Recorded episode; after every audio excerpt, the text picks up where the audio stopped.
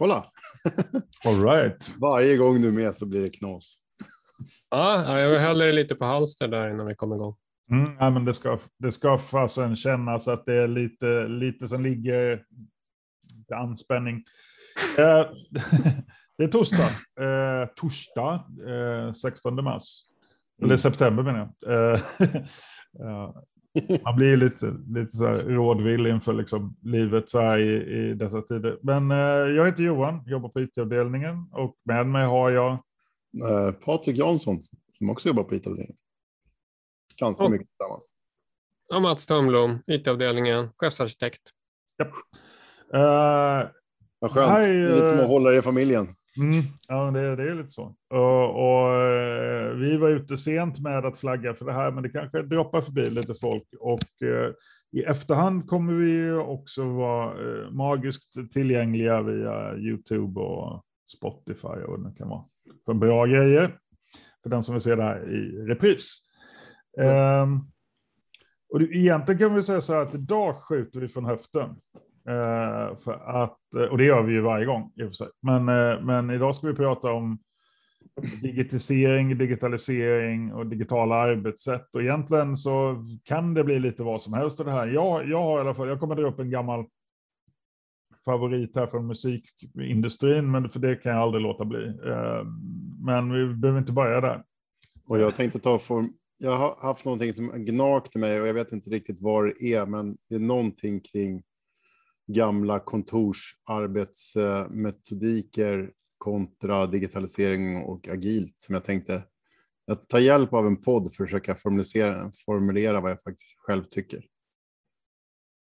Och Mats, jag, jag bara gissar, för jag, jag, jag snor ju allt jag säger om digitalisering har jag ju snott från dig vid något tillfälle. och Sådär. Men det brukar ju... Vad snällt brukar- sagt. Ja, men det är, ett, det, det är sanningen är snäll ibland. Eh, nej, men eh, du brukar ju säga att digitalisering är verksamhetsutveckling, eller egentligen så här att det, det är oftast där man hamnar egentligen. Om man, om man tänker rätt kring digitalisering så är det liksom inte från analog till ett och noll, utan från en, ett läge till ett annat på något vis. Ja, precis. Det är min, en av mina käpphästar att digitalisering har vi hållit på med i 30 år. Eh, speciellt om man tittar på banker och så som har varit tidigt ute. De, de har redan ändrat sin affärsmodell, de har ändrat sina kontors, eh, kundinteraktioner, de har ändrat sina produkter, de har, de har digitaliserat i 20 år. Nu har det blivit poppis att prata om digitalisering, men det är ju liksom ingenting som började förra året när, när man fick digitaliseringsministrar på företagen, utan det är någonting som har hänt länge. Och jag, kan ju inte ibland rå- låta bli att eh, som irriterar mig lite kanske på eh, en hel del eh, nyvakenhet inom det här området. Då. Och vi som har hållit på med det länge, vi surar lite och tycker att men vadå, det, här, det finns ju ingenting så, av det här som är nytt. Om, om, om ni inte har märkt att samhället digitaliserats de senaste 20 åren, då har ni riktigt sovit. Ja, och det, det, där är ju så jävla... eh, Nu svor jag också. Förbannad. I- Mitt i podden. Nej, men alltså, det är ju så kul att vi, liksom, vi, vi, vi tycker att vi tar stor, riktiga stormsteg när vi kan sätta en elektronisk signatur på ett papper. eh, Men vi har ju signerat våra deklarationer hur länge som helst. Men det är, liksom, det är på något sätt, man gör liksom inget likhetstecken mellan all förändring för mig som privatperson. Varför kan jag inte förvänta mig det också på jobbet? Jo, det borde man verkligen kunna förvänta sig. Eh, och när du signerar din deklaration så ingenstans letar du efter din signatur, liksom i papperslik signatur, utan nej, ja, okej, ja, men fine. Så liksom hela din privatekonomi är signad off på ett Mm. sätt. Men du ställer he- du tycker det är fruktansvärt obehagligt om man liksom så här, men det måste vara exakt som det tidigare pappret på jobbet, för där är vi tydligen eh, det kanske är så att folk är tröga över det eller sina, sitt, sitt jobb än sitt, sitt privatliv. Det kanske är långsammare varelser där. Jag, jag vet inte. Det var här någonstans som jag började formulera det här i min egen skalle i, i, på en promenad i våras. När du och jag och Mats satte oss ner och skulle börja fundera lite på framtid för samarbetsverktyg. Mm. Eh, Och då är, då är det ju mycket så där att det är. Vi satt och skrev i en ordbehandlare som visserligen var on, online, men den låg i, i box och lite så filer.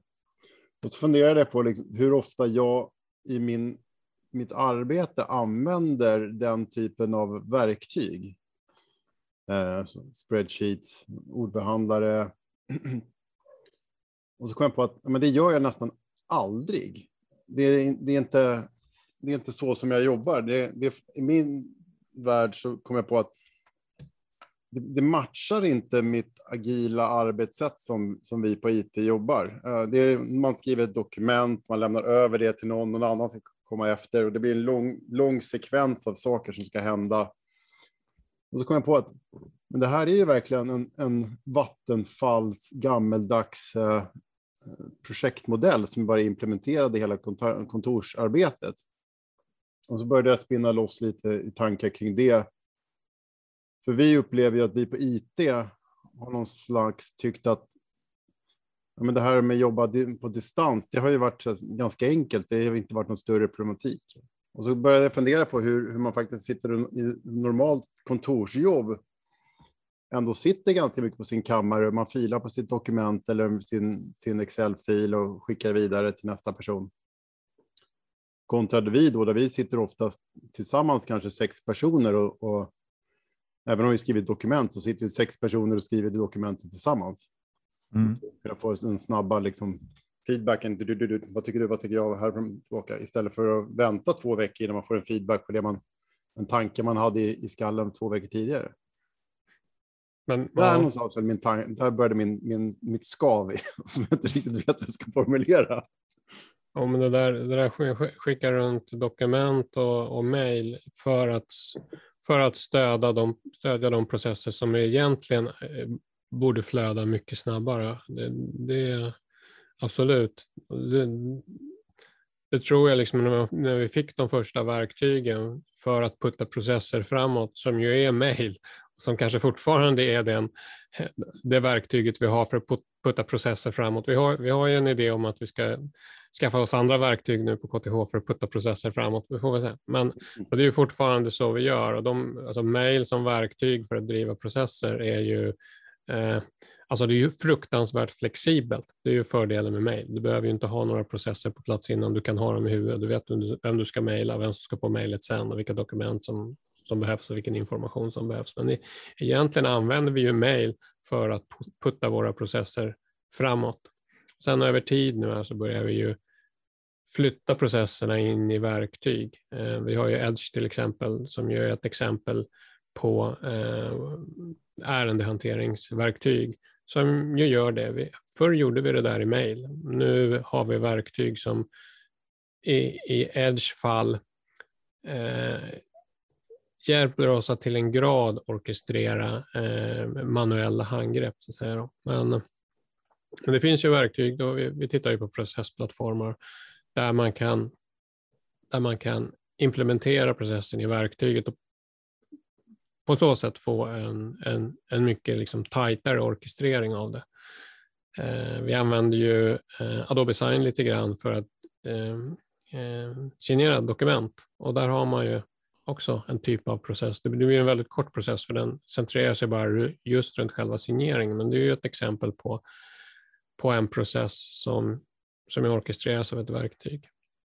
Men, men jag, jag tror å andra sidan att ibland kan jag känna att i och med att vi sitter nu nästan liksom bara med, med Slack och sådär och, och den typen av liksom, som ganska snabba verktyg, är att vi, vi tappar ju lite grejer också. Jag tycker vi, vi kanske inte Fördelen med de där Word-dokumenten som man satt och filade ihop liksom, var ju att då fick man ganska gott om tid att tänka Eh, eh, man får liksom eh, konstruera en hel sak. Vi pysslar ju mycket med strategier, eller jag pysslar ju mycket med, med teknikstrategier och sådär. De låter sig ju inte uttrycka sig i en chatt på ett bra sätt, liksom. utan det är ju ett, ett större konceptuellt tänk liksom, som man får ner på pappret. Sen de beslut man tar utifrån på eh, strategier, ja, det, det, kanske är på chattnivå, de, de är ganska korta, men någon gång måste man stanna upp, tänka och dra upp de stora linjerna och det funkade nog de här liksom, Word och, och framförallt PowerPoint, vad man alltid använt det till. Det funkade ganska bra till. Så jag är lite rädd att man förlorar det där. Liksom. Allt är så fruktansvärt agilt, liksom. så vi, vi har blicken riktad två meter framför oss hela tiden och hinner liksom aldrig lyfta blicken. Och, och verktygslådan för att lyfta blicken och dela med oss av, av våra målbilder och strategier, den försvinner liksom lite bakom alla chattar, kanske. Mm. Det, jag, det jag tänker bara, eller jag förstod att du skulle säga det, för du är, du är kanske Sveriges bästa skrivare på skriva strategier och bara sluta mycket, smick, mycket smicker där, men det, ja, du hör, det, det, det är bra. Jag vill alltid vara med i er podd om det ska vara på det här ja, Absolut. Underbart. Eh, eh, Patrik flaggade för jag tror inte Mats kommer hålla med om allt jag säger. Nej, och det, det är ju det som är vi, vi vill ju ha konflikt och konfrontation ja. i den här podden. Det är ju, nej, men men det, det, det där är ju olika. Alltså det, det, det beror på vad man har för jobb också tror jag väldigt, ja. väldigt stor utsträckning. Alltså mitt jobb är ju på något vis ändå en, en, stor del av mitt jobb är att se till att vi har liksom långsiktiga mål och strategier mm. och vi vet, vet vad vi ska och så, och så vidare. Då. Eh, är man med en arbetsledare eller att man sitter med liksom en jäkligt iterativ process. Liksom. Det kommer in nya ärenden du ska göra ungefär samma saker. Liksom, då, då, då tror jag den, den här typen av verktygslådor verkligen har saknats tidigare. Mm. Men för mejlen är ju superklumpig på det viset. 10 000 mejl liksom, som du ska hålla på att öppna och stänga och fixa och dona och skicka vidare. Det är superosmidigt. Ja, vi har ju kollegor som nu vägrar använda mejl för att de tycker det är, så, alltså det är för mycket redundant skräp. Ja. Eller för, liksom, det som ankommer mig som utvecklare, det är för lite av det som finns i mejlen. Så att, eh, och mejlen har ju alltid varit, liksom, det är ju default, eller det var default från det att jag började jobba, liksom, då fanns den redan där. Eh, förra generationen tycker vi kanske, har väl kanske en annan bild, men liksom på något sätt, mejlen var, det är den digitalisering som alla någonstans har köpt. I princip alla, men nu börjar vissa ruttna på det. Så att vi, vi har kommit en bit för Peter skrev i chatten, verktygen behöver stödja både långa processer och det dagliga. Det är så svårt. Mm. Eh, och det är väl därför vi behöver verktyg i plural då, naturligtvis. Eh, jag tror, att jag, jag tror att jag tänker mig att det som jag saknar i, i hela upplägget hur ett kontorsjobb funkar, att man går till sin, sin plats, vare sig det är hemma eller digitalt, liksom.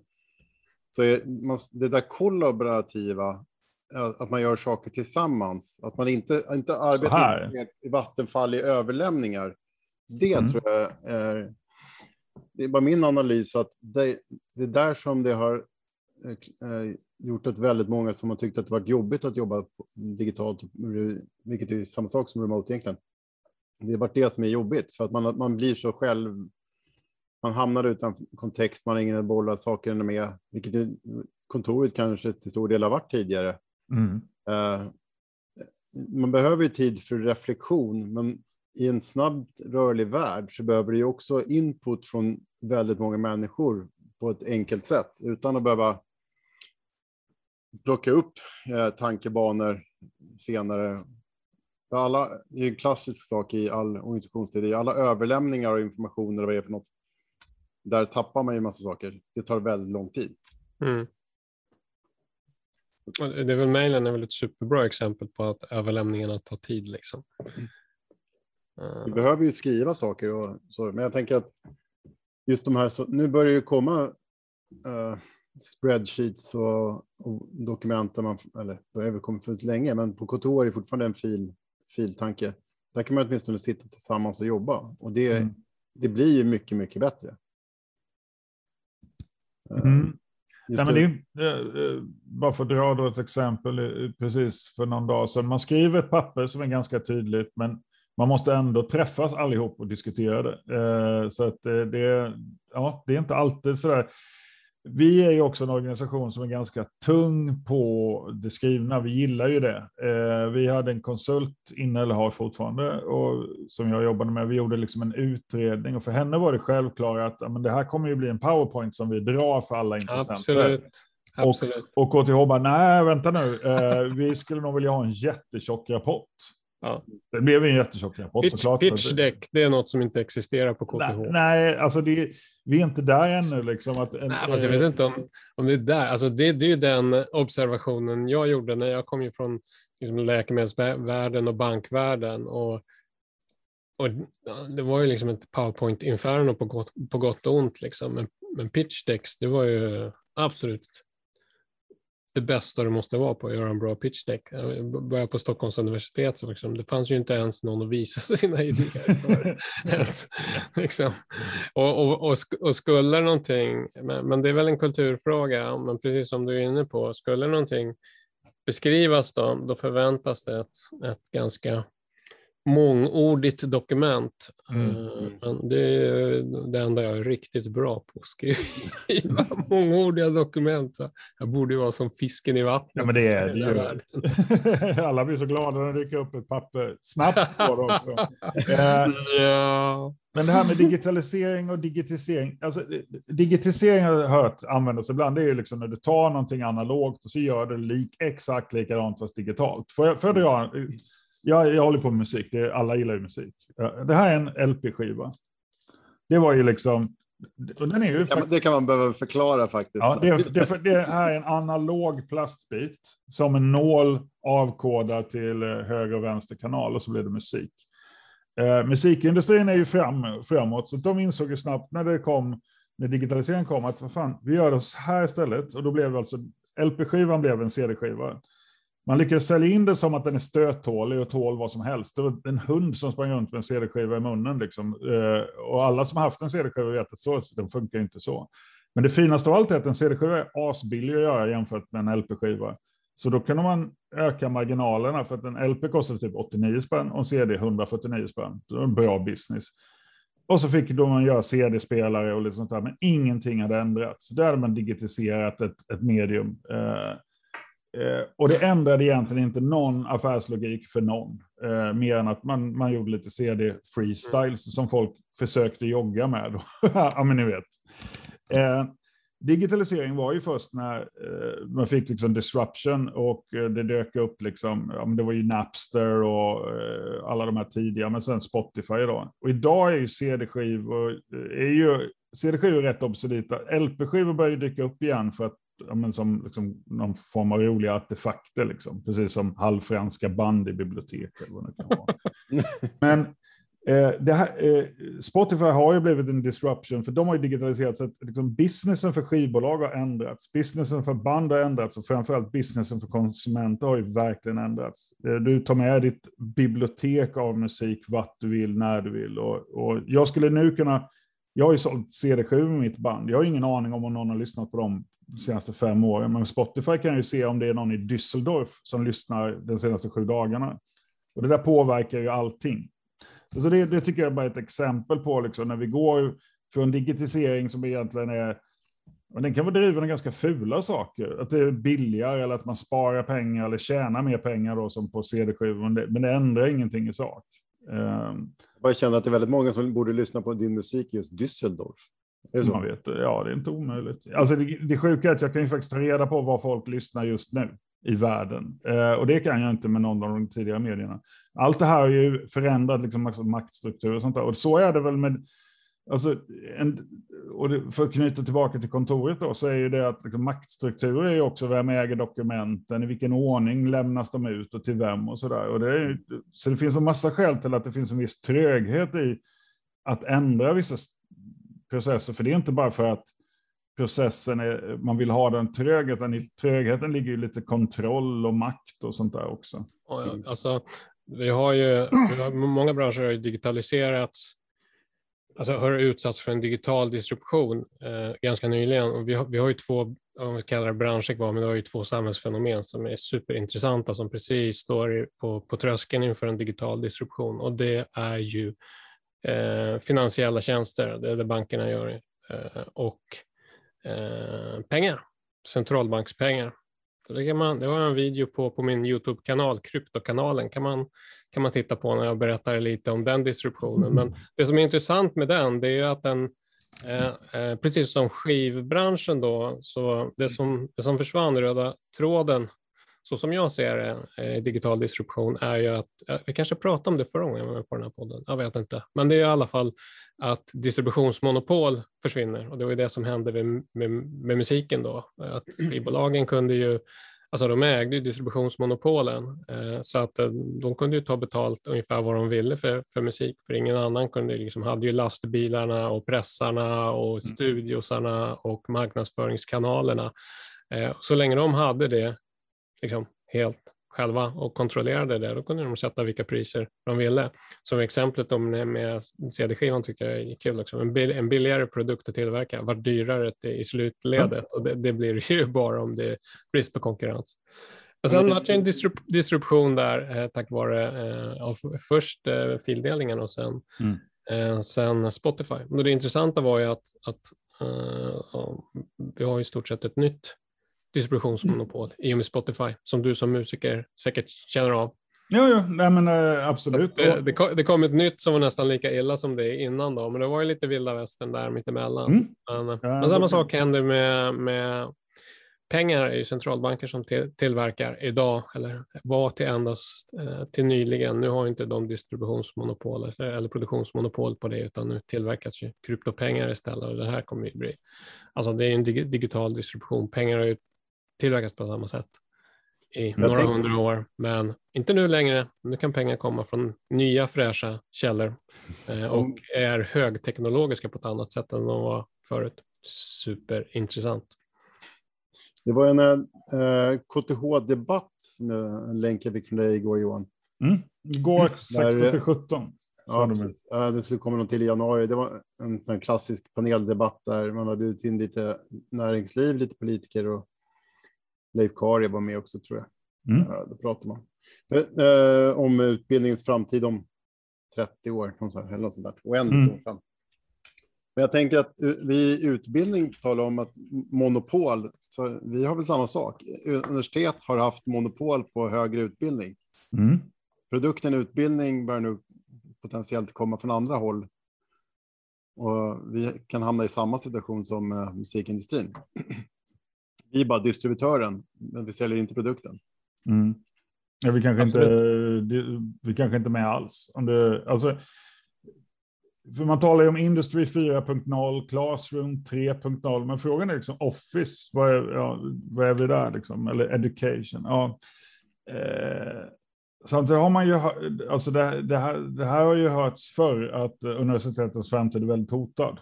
Mm. Eh, och hittills så har det ju inte hänt så jättemycket. Ehm, eh, men, men eh, mockarna till exempel, alltså där Massive Open Online Courses, skulle ju disruptera. Det, det, är inte riktigt det som har hänt i slutändan. Eh, för att, ja, varför kan man ju fundera på faktiskt. Ehm, Eh, när företag slutar anställa folk som har en civilingenjörsutbildning utan väljer någon annan typ av liksom, eh, garant för, för kompetens, då kommer det börja hända saker. Mm. Jag tror det där ligger, eh, alltså, om vi talar om disruptionen av det traditionella utbildnings, alltså högre utbildningsväsendets affärsmodell, om, om vi kallar det affärsmodell, mm. Alltså jag tror den ligger mycket närmare i tid än vad vi tror. Vi, vi går, här och, vi går här och lallar som ett gammalt skiv, skivbolag liksom, eh, utan någon aning om vad som håller på att hända. Det, det är jag rätt säker på. men, men därmed inte sagt att inte Eh, de traditionella universiteten kan hitta en roll i det här, det tror jag absolut. Men jag tror man behöver vara ganska vaken. Sen, tror, sen tror jag... finns ju kvar. Va? Skivbolagen finns ju kvar.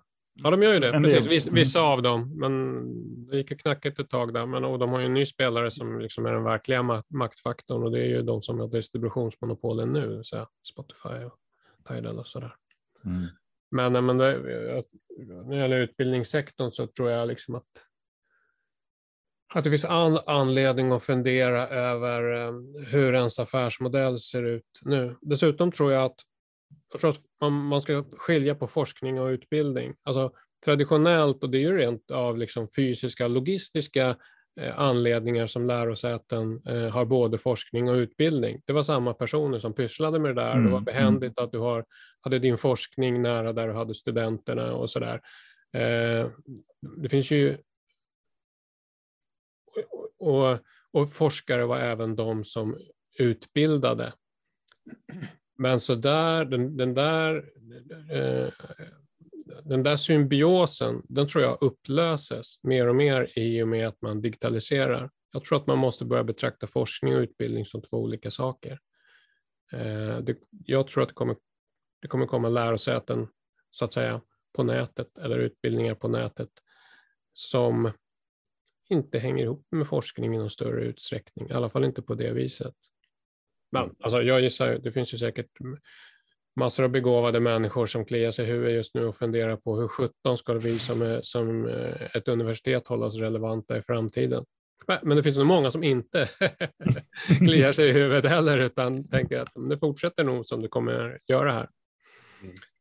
Men sen vet jag inte, vi, har inte, alltså vi är inte en affär på det viset, utan det är staten som puttar till pengar och så vidare. Mm. Så får vi färre studenter så kanske inte det är hela världen. Liksom, de får väl en bra utbildning någon annanstans då, förhoppningsvis.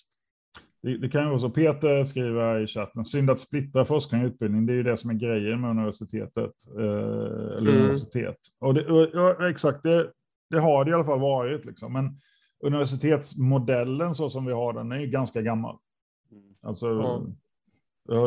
Så här har vi jobbat eh, över århundraden och eh, Eh, jag, som kom in, jag som kom in i lärosätesvärlden från en, en, annan värld, för mig har det alltid varit smått, eller jag ska inte säga att det är mystiskt, för jag, jag redogjorde just för varför de här sitter ihop och det finns traditioner runt, runt varför forskning och utbildning liksom utövas av samma institutioner eller samma organisationer. Eh, men för mig som kom utifrån kändes det som att det här är två helt olika affärsgrenar. Det här är helt två olika verksamheter. Vi borde ha två olika divisioner. Visst, det finns ett visst överlapp liksom. Eh, men för mig eh, är det liksom det här väldigt olika saker.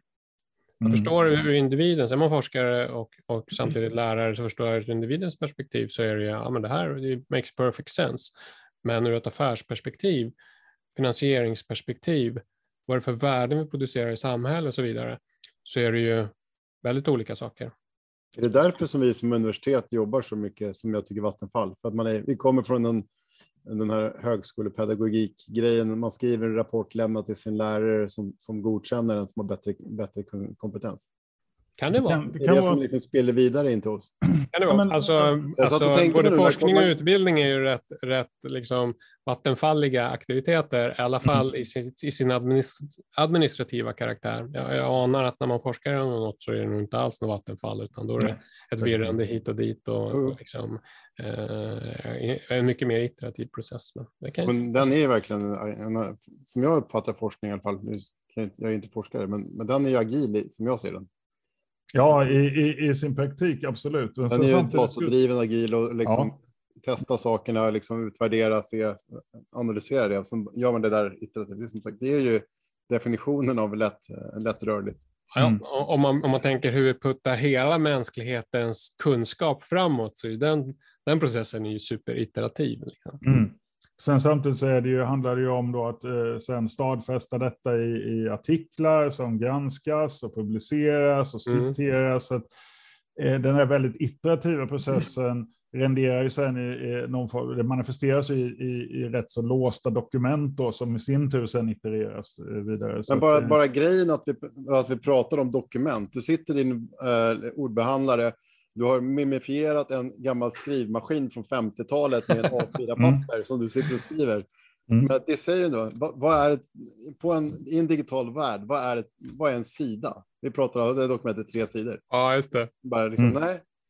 Det där dokumentet kanske ska vara som en YouTube-film eller bara en Snapchat. Ja, ja, ja. ja det, för det tycker jag är jätteintressant. Jag, jag tror också eventuellt liksom, nu har vi, nu har vi vant oss vid det här, det här youtubandet eller det här, det här, det här zoomandet så kommer vi snart börja med det här youtubandet. Alltså, det är ju helt sinnessjukt att ha när, när man söker jobb, att man skriver ett papper om sig själv. Det är ju mycket naturligare att man bara sätter sig så, så pratar man, beskriver sig själv. Det är ju en mycket, mycket bättre beskrivning.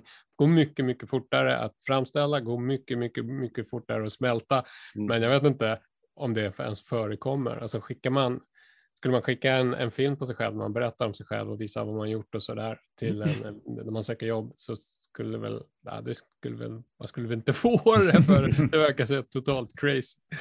Ja, det är svårt att parsa den där filmen till liksom de här kraven kanske man ställer, än så länge. Men, eh, och jag, Nej, menar, jag här, inte, det är ja. väl förväntningar liksom. Mm. Jo, nej, absolut. Och det är mycket av gammal hävd som vi gör saker på ett sätt eller annat. Det, vi kommer ju titta på e-signaturer här i höst säkert och, och där kommer vi verkligen behöva ifrågasätta massor med liksom så här, varför gör vi si eller så? Eh, för att vara kloka när vi digitaliserar sen då i nästa steg. Eh, tiden går fort om man har roligt, hörni. Ja, men visst. Eh, Eh, Jag vet inte vad vi landade i. Eh, Hade det här varit ett papper hade det nog varit svårt att följa. Eh, Men det är ju därför det inte är ett papper. Det är därför Det detta jag är bara en... men, men det ger ändå någonting. Mm. Jo, nej, men det, det vill vi verkligen tro. Eh, Men vi får väl ta upp tråden eh, om några veckor igen. Ja, alltså vi kanske borde pra prata processer, processplattformar. Jag vet inte, gjorde Ja. vi det förra gången? Nej, jag tror att vi ska göra det för att det vore jäkligt kul. Eh, för att det- där kommer vi få en en förmåga förhoppningsvis av att liksom faktiskt förändra, förbättra processstödet. Men eh, vi sätter det på listan över grejer vi ska snacka om framöver. Det tycker jag. Ja, nej, men eh, gott folk. Tack, tack för Det var idag. roligt. Det var kul. Tja. Puss och kram.